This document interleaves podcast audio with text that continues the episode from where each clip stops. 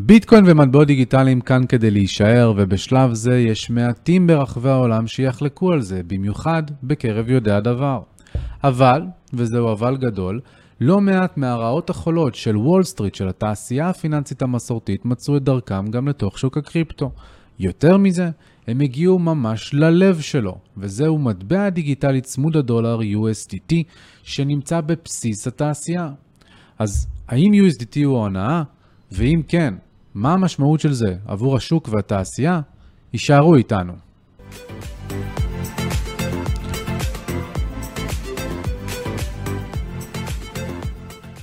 שלום לכולם, אני בן סמוכה. ואני דור אופיר. ואנחנו סוף סוף שמחים להשיק את הפודקאסט מדברים קריפטו מבית קריפטו ג'אנגל, אחרי תקופה מאוד ארוכה שאנחנו בטוחים שאתם כמונו חיכיתם לזה בטירוף.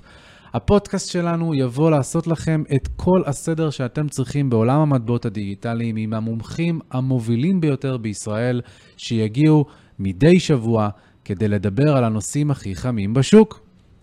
ויש לנו נושא מאוד מאוד חם להיום, אה, אז לפני שנתחיל אני אגיד שאני מאוד מתרגש. אה, נושא היום הוא Tether, USDT, stablecoin, צמוד הדולר, אה, מהפופולריים ביותר בשוק. משתמשים בו היום מיליוני אנשים בכל בורסה אפשרית, ולא רק אנשים, כן? גם חברות. וה stablecoin הזה היום, נכון להקלטת הפרק הזה, הוא הראשון, והוא עם שווי של 65 מיליארד דולר. ובפרק הזה אנחנו הולכים לדבר בעצם עליו, וכפרק אה, כפול כמובן, כי יש הרבה על מה לדבר, ונסביר מה הוא בעצם, איך ההיסטוריה שלו התגלגלה, מהם הדברים החיוביים והטובים מצד אחד, ומצד שני, נתעמק גם בסקנדלים שליוו אותו לאורך השנים, מאיימים עליו גם ברגעים אלה. לבסוף, נתייחס למה, למה עשויות להיות המשמעויות של קריסתו. וכמו שאתם מבינים, זה פרק אה, בהחלט חשוב, אה, אז זו הזדמנות מצוינת להגיד למאזינים שלנו ללחוץ על כפתור ה subscribe, לשתף את החברים, כי כמו שאתם מקשיבים לנו, אנחנו נשמח גם שחברים שלכם יקשיבו לנו, ובקריפטו ג'ונגל ומדברים קריפטו, אנחנו מתעסקים בקריפטו כמובן, אבל לא רק בדברים החיוביים, אנחנו גם מתעסקים בדברים השליליים שחשוב להכיר. אז אה, יאללה בן, שנתחיל? יאללה, בואו נצא לדרך. אז אני רוצה שנעשה רגע zoom out, ונסתכל על הדברים אה, ממעוף הציפורה נקרא לזה. מה זה בעצם stablecoin? מה זה בעצם מטבע צמוד דולר, ואיך הוא מתקשר ל... לעולם הדיגיטלי בעצם? כן. אז מטבע דיגיטלי צמוד דולר כמו USDT הוא מטבע דיגיטלי שממש כמו שהשם שלו אומר, נועד להיות צמוד בערכו לדולר. המשמעות היא שבדומה לזה שפעם היה הצמדה לזהב, ששטרות הנייר שאנחנו משתמשים בהם היו צמודים ממש לזהב שישב בכספות, אותו משקל קורה היום, רק בגרסה דיגיטלית ומחודשת, שזה אומר שיש לנו את טכנולוגיית הבלוקצ'יין, שמשמשת לנו בתור תשתית להרבה מאוד מטבעות דיגיטליים, יש מספר רשתות בלוקצ'יין שונות, אבל כל אחת ואחת מהן יכולה לכלול עליה פיתוחים כמו stablecoin, שזה מטבע דיגיטלי שמפותח, והמטרה היא שתהיה חברה מאחורי הקלעים, צד שלישי, שעליו אנחנו צריכים לסמוך, שיחזיק באמת דולרים או נכסים שהוא יכול להמיר במהירות לדולרים, כדי שהוא יוכל להנפיק מטבע דיגיטלי בשווי שווה. אז למעשה, אם פעם היה לנו בנק שמחזיק בכספת זהב ומצמיד אותו לדולר, לשטרות נייר, היום יש לנו חברה או סוג של בנק שמצמידים נכסים מהעולם האמיתי, או לא בהכרח אה, אה, נכסים פיזיים, אלא אגרות חוב ו- ומטבעות דיגיטליים ודברים נוספים, לדולר שהם מנפיקים בעצמם בגרסה דיגיטלית. אז USDT, איך הוא נוצר? מי בעצם הקים אותו? באיזה שנה הוא התחיל לפעול? ואיך הוא בעצם קשור לביטפינקס, אחת הבורסות המאוד פופולריות בעבר, שהיא גם מאוד פופולרית היום? אני אשמח שתתמקד. בדברים המרכזיים בעצם שהביאו את USDT עד לפה, אה, בנקודות, באתגרים שהוא עבר, עם הסקנדלים המרכזיים, אה, CFTC, פריצ... אה, פריצות לחשבונות בנק. בטח. אין בעיה. אז באופן כללי, USDT הוא באמת ה stablecoin הראשון, הוא המטבע הדיגיטלי צמוד הדולר הראשון שנוסד בעולם המטבעות הדיגיטליים. הוא הגיע בכלל מביקושים בתוך התעשייה. בסופו של דבר, שוק הקריפטו היה שוק חדש לחלוטין.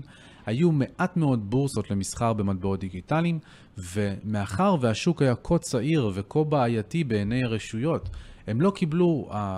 הבורסות השונות והברוקרים לא קיבלו סמכויות להשתמש בדולר אמיתי, כלומר להשתמש ממש בדולר אמריקני מפוקח אצלם בפלטפורמה, ולכן היה צורך ממשי ליצור מטבע דיגיטלי צמוד דולר, שיחיה בעולם הדיגיטלי. במקרה הזה אה, USDT נוצר ממש על גבי אה, שכבת חוזים חכמים שבנויה על ביטקוין בשם אומני, ו...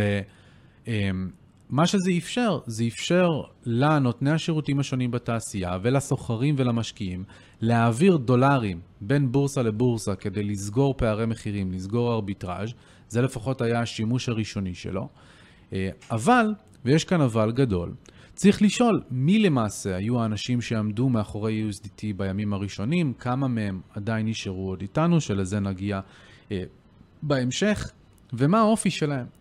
אז בעיקרון USDT הוקם ביולי 2014, אבל ביטפינקס התחילה את דרכה הרבה לפני כן. ביטפינקס היא אחת מהבורסות שבשנים הראשונות של ביטקוין היו מהפופולריות ביותר, ולמעשה יש לנו היום חברת אם שנקראת iFinex, ותחת iFinex יש שתי ישויות פופולריות, בורסת ביטפינקס וחברת תתר, ששתיהן הוקמו באופן יחסי סמוך אחת לשנייה, ובאופן יחסי על ידי אותם אינדיבידואלים. אני אעצור אותך שנייה, בן. זאת אומרת שאייפינקס היא בעצם הבעלים של ביטפינקס ושל תתר? נכון. Okay. Okay. נכון, לא רק שהיא הבעלים, היא גם יותר מזה, יש שם הרבה מאוד חיכוכים בין כל המעורבויות האלה. אבל למעשה ביטפינקס עצמה הוקמה על ידי אנשים שאפשר להטיל ספק באמינותם. אה, זה שהקים את הפלטפורמה, בחור בשם רפאל ניקול, משוייך עם הרבה מאוד הונאות פונזי בתחילת הדרך של, של ביטקוין ספציפית, אה, כולל קידום של הונאות בעצמו בפורום ביטקוין טוק, אה, תחת שם שרק שנים לאחר מכן ידעו לומר שזה באמת זה, הוא. זה משהו זאת אומרת שאנחנו יכולים היום לראות נכון. ולהוכיח שהוא אמיתי. חד משמעית. אמ, משם, אחרי שהוא סיים עם ההבטחות תשואה של ההונאות שלו, הוא הלך והקים את בורסת ביטפינקס, והוא המשיך לכהן גם בתור מנהל הטכנולוגיות שלה, עד ש, ואנחנו נגיע לזה בהמשך, שהיא נפרצה לראשון, בפעם השנייה בשנת 2016, אה, והיה שם גניבה. מעבר לזה, יש את אה, ג'יאן קרלו דה וסיני, שהוא מנהל הכספים גם של תתר וגם של ביטפינקס, ואת המנכ"ל, ג'יי אל ונדר ולדה, שהוא גם כן מנכ"ל תתר וביטפינקס כאחד. עכשיו, ביטפינקס התחילה את דרכה אה, כמה שנים לפני תתר, וכשתתר הוקמה ביולי 2014, הגיעו founderים, או co-founderים, מייסדים שותפים, mm-hmm. גם מעולמות אחרים.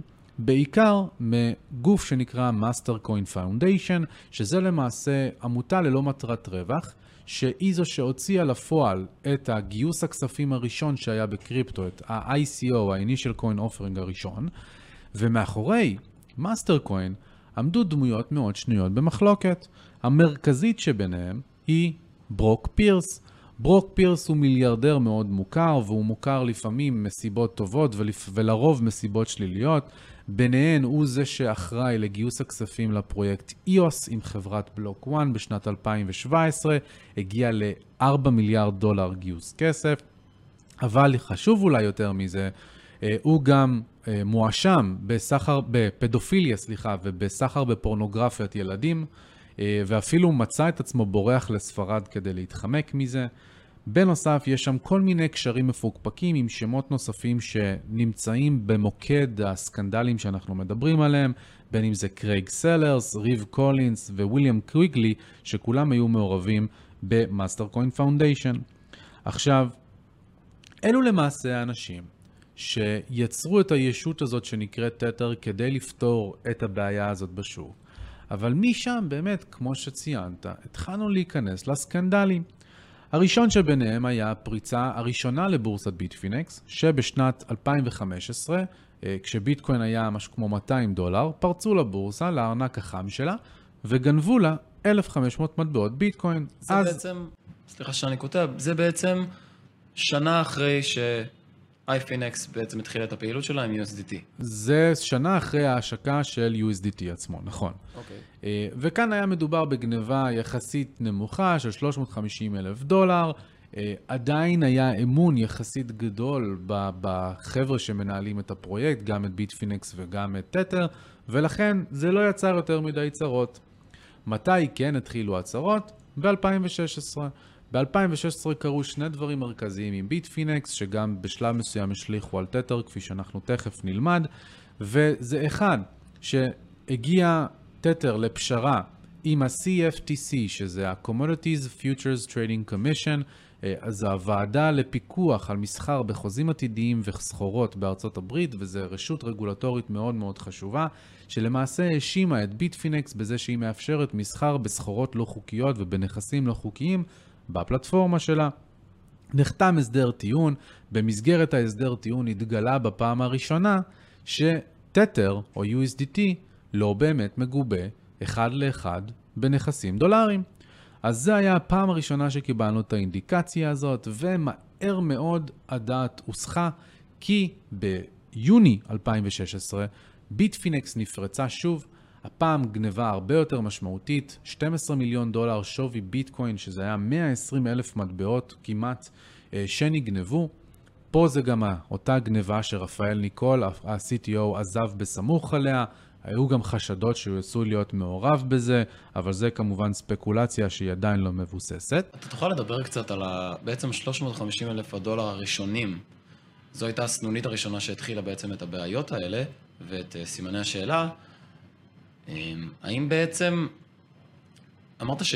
שמהר מאוד הוסחה הדעת, אה, תוכל קצת להתייחס לזה?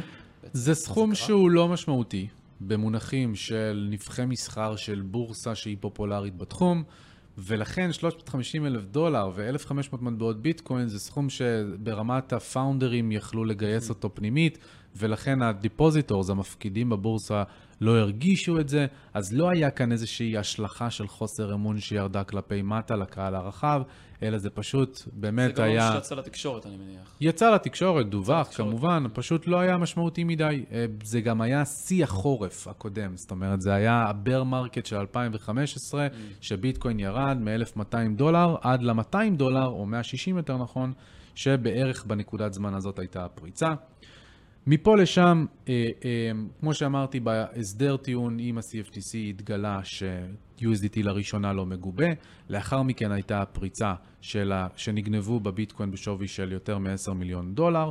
ופה, בפעם הראשונה, המפקידים של ביטפינקס מצאו את עצמם בצרה. בצרה שלבסוף אה, הגיע למצב שבו ביטפינקס נאלצת לעשות תספורת למחזיקים. לכל אחד שהחזיק כסף בביטפינקס קיבל ארקאט של 30% ממה שהוא החזיק, אז אם החזקת 100 אלף דולר, פתאום יש לך 70 אלף דולר, אבל הרבה דברים חשודים גם כאן עלו במנגנון. מה שביטפינקס אמרה זה שהיא עשתה איזושהי מתודולוגיה כדי להגיע להרקאט הזה. היא לא שיתפה את המתודולוגיה, היא לא שיתפה את המעורבות של תתר, ויותר מזה, היא טענה שהיא שכרה פומבית את שירותיהם של שתי חברות ביקורת חיצוניות, אחת שתעבור על הפיננסים של החברה ואחת על המערך הטכנולוגי של אבטחת המטבעות, ובשני המקרים לא שוחרר שום ביקורת, לא שוחרר שום דוח, לא הוסבר מה קרה בפריצה, שזה לכדי עצמו אה, מאוד מאוד חשוד. אז בעצם בתור מחזיק כספים בביטפינקס, אז בשנת 2015, לצורך הדוגמה, היה לי אלף דולר בפלטפורמה, אחרי ההרקט הזה יש לי 70 דולר, ואני לא בעצם, אני בעצם לא מקבל איזשהו הסבר או פירוט מה קרה. אז הם קיבלו הסברים, פשוט מאוד מאוד מבלבלים, לא מלאים, לא שקופים, והבטחות שהולכים להתפרסם כל מיני דוחות וביקורות, כשבפועל ההבטחות האלה התקבלו גם, היום אנחנו יודעים להגיד בדיעבד, גם שנים לאחר מכן, ולא נעשה איתן כלום.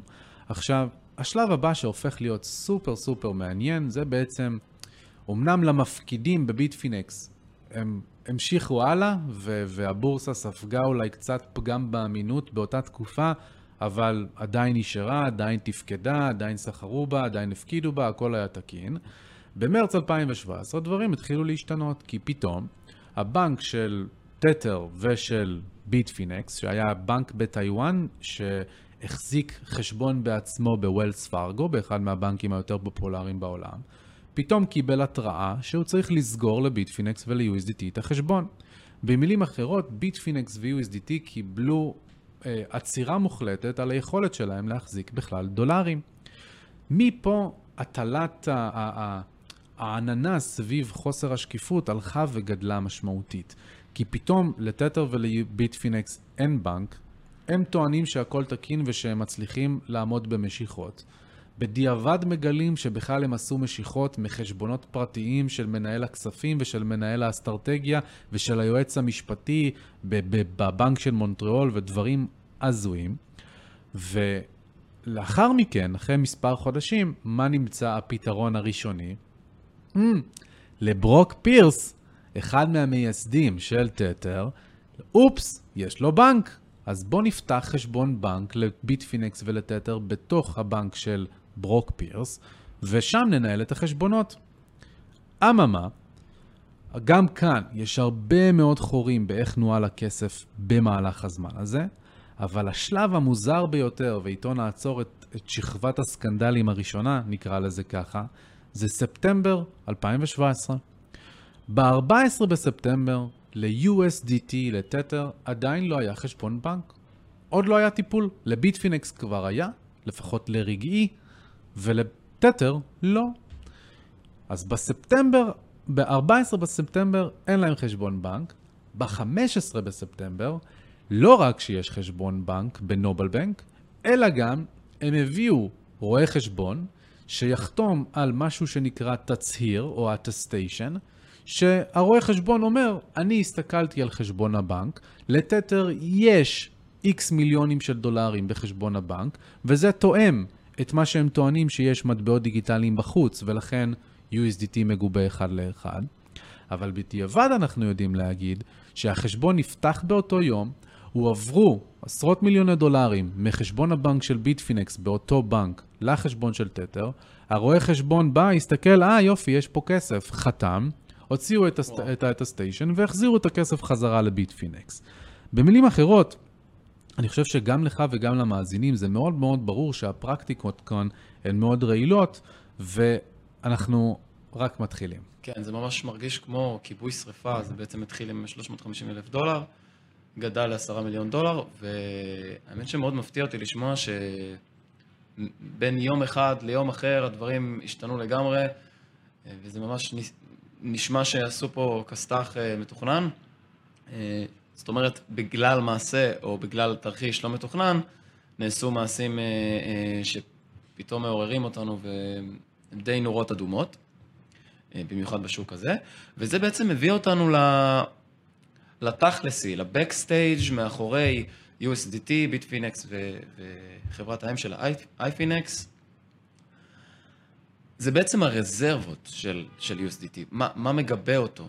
אז אני אשמח לדעת ממך מה, מה עומד מאחוריו, מה הם טוענים שעומד מאחוריו, ואני יודע שיש פה כמה סוגי נכסים, אבל אני גם אשמח שתיגע יותר לעומק מהו כל, מהו כל סוג נכס, איזה בעצם סיכונים הוא משקף גם עבור החברה וגם עבור המחזיקים, אה, ואיזה מסקנות ותובנות אנחנו יכולים אה, כן. להסיק.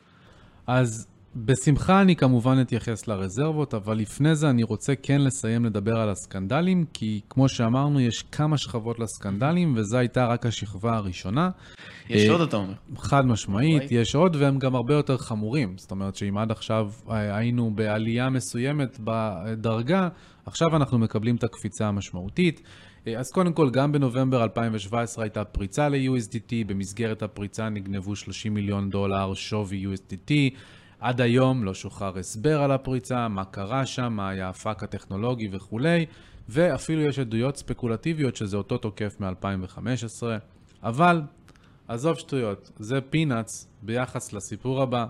חברת קריפטו קפיטל, קריפטו קפיטל היא uh, ספק תשלומים שהיה ממוקם בפנמה, ומסתבר שמשרד המשפטים האמריקאי במשך חודשים או אפילו שנים חקר את מייסדי הפלטפורמה הזאת ואת השירותים שהיא נותנת בחשד להלבנת הון, מימון טרור והרבה דברים גרועים.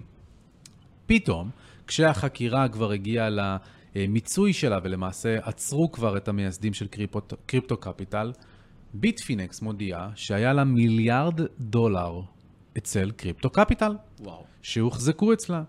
אז קודם כל, זה פתאום פותח את המחשבה, אוקיי, זה אומר מה קרה כאן בכמה חודשים שלפני שלא היה להם חשבון בנק, אבל יותר מזה, פתאום בבת אחת הוקפאו מיליון, מיליארד דולר לבורסת Bitfinex, בו בעת שהיא צריכה לאפשר ללקוחות שלה לבצע משיכות.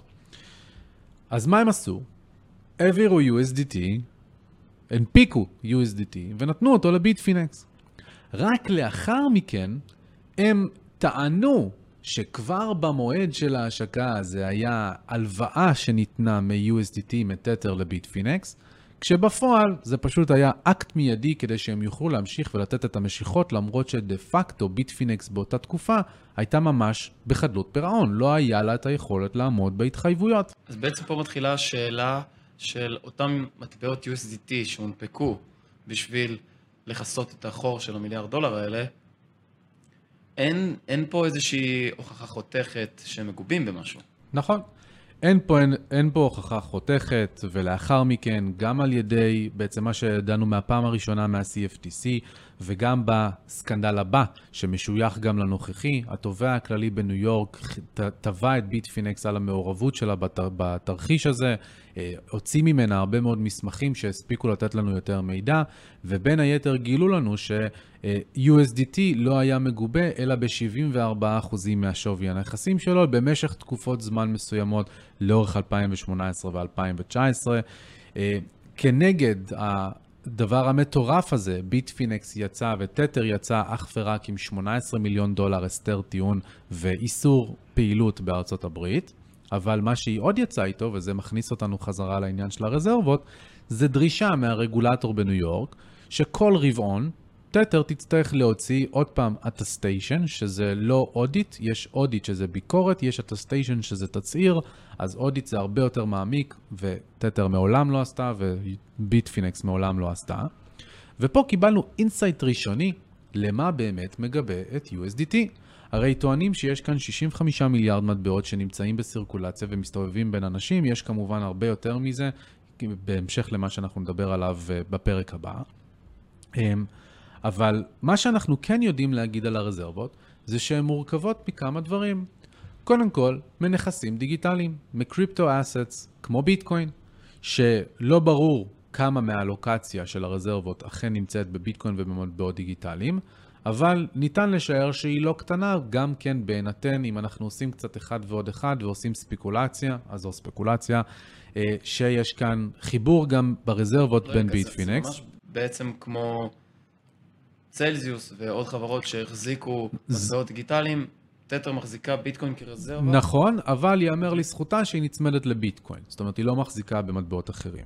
אבל אוקיי. איפה שזה נהיה באמת יותר מעניין, אז, אז יש את השכבה שלה באמצע, שתתר גם מחזיקה איגרות חוב קצרות מועד של uh, משרד האוצר האמריקאי, של איגרת חוב ממשלתית של ארה"ב, שזה בעצם נחשב לפריים קולטרל, לערבות הטובה ביותר, הערבות החשובה ביותר שתתר צריכה להחזיק, וכל גוף שמנסה לעשות הצמדה כלשהי.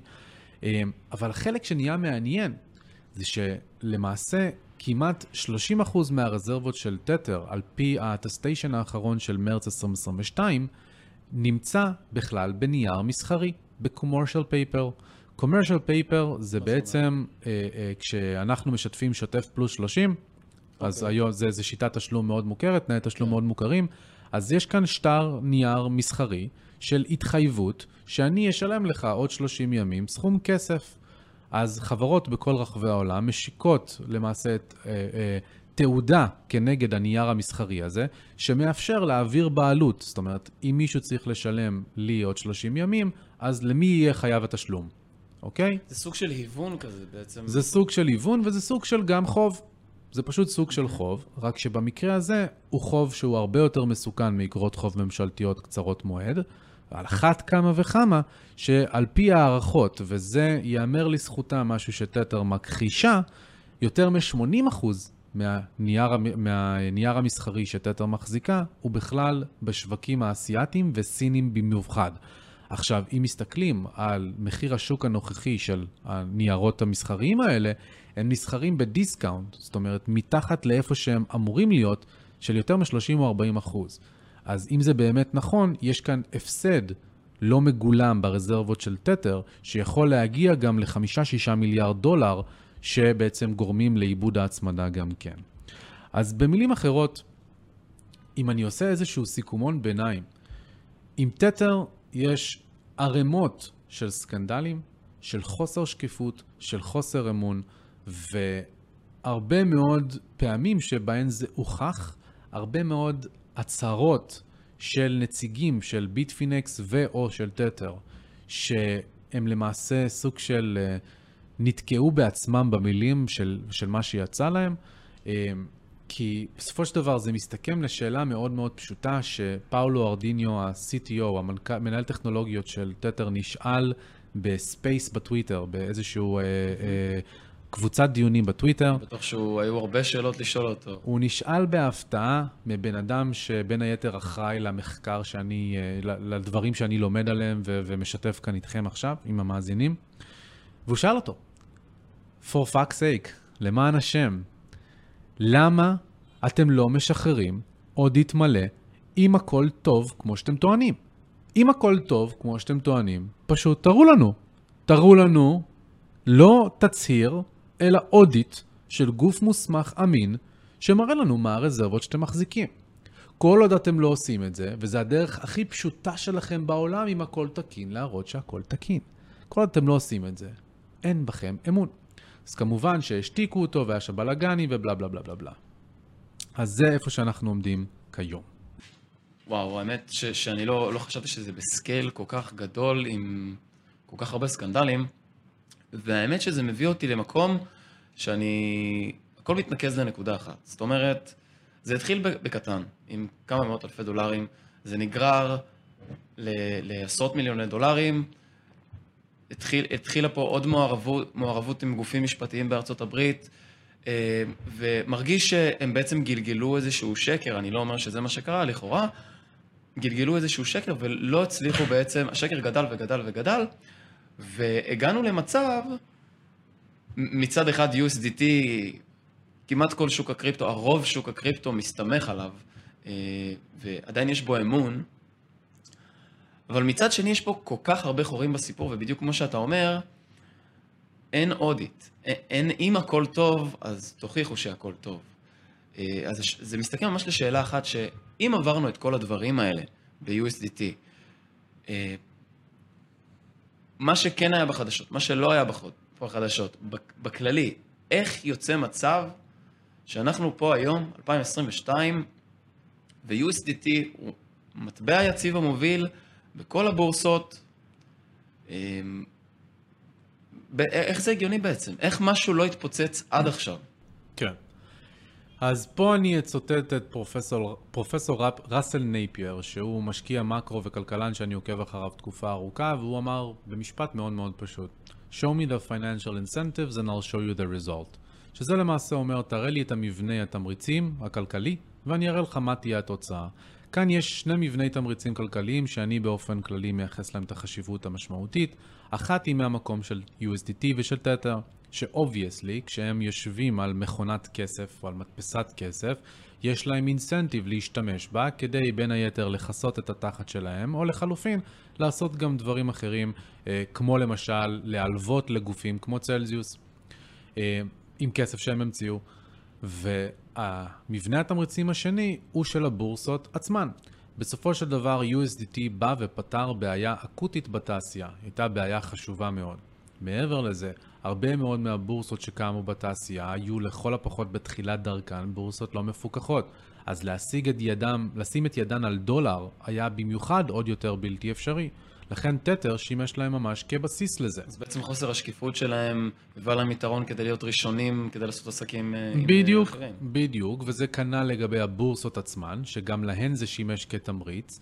ויותר מזה, זה שימש להן אפילו כתמריץ לתת הלוואות כנגד זה, לאפשר לאנשים לחסוך לכאורה ב-USDT עם ריביות של חמישה ועשרה אחוזים ואפילו יותר, וזה למעשה מוביל אותנו לסיכום הפרק הזה, כדי שבפרק הבא אנחנו נוכל להיכנס לדברים שאיתם אנחנו מסיימים עכשיו הרבה יותר לעומק, שבו אנחנו מצד אחד נמשיך את הצדדים השליליים ואנחנו נדבר על הסיכונים שיש בתעשייה, אה, מה המשמעות של הדברים שדיברנו עליהם היום בפרק, מה זה בפועל אומר עבורנו, אה, מה אנחנו עושים כנגד הדברים האלה, זאת אומרת איך אפשר להגן על עצמנו מקריסה פוטנציאלית שככל הנראה תגיע במוקדם או במאוחר במקרה של USDT, אבל גם נעצור לדבר על הצדדים החיוביים, כי למרות חייבים. כל הדברים הרעים שאמרתי עכשיו, שדיברנו עליהם בקונטקסט של Tether ושל stablecoins אחרים, ל-USDT יש גם הרבה דברים חיוביים ול stablecoins בפרט,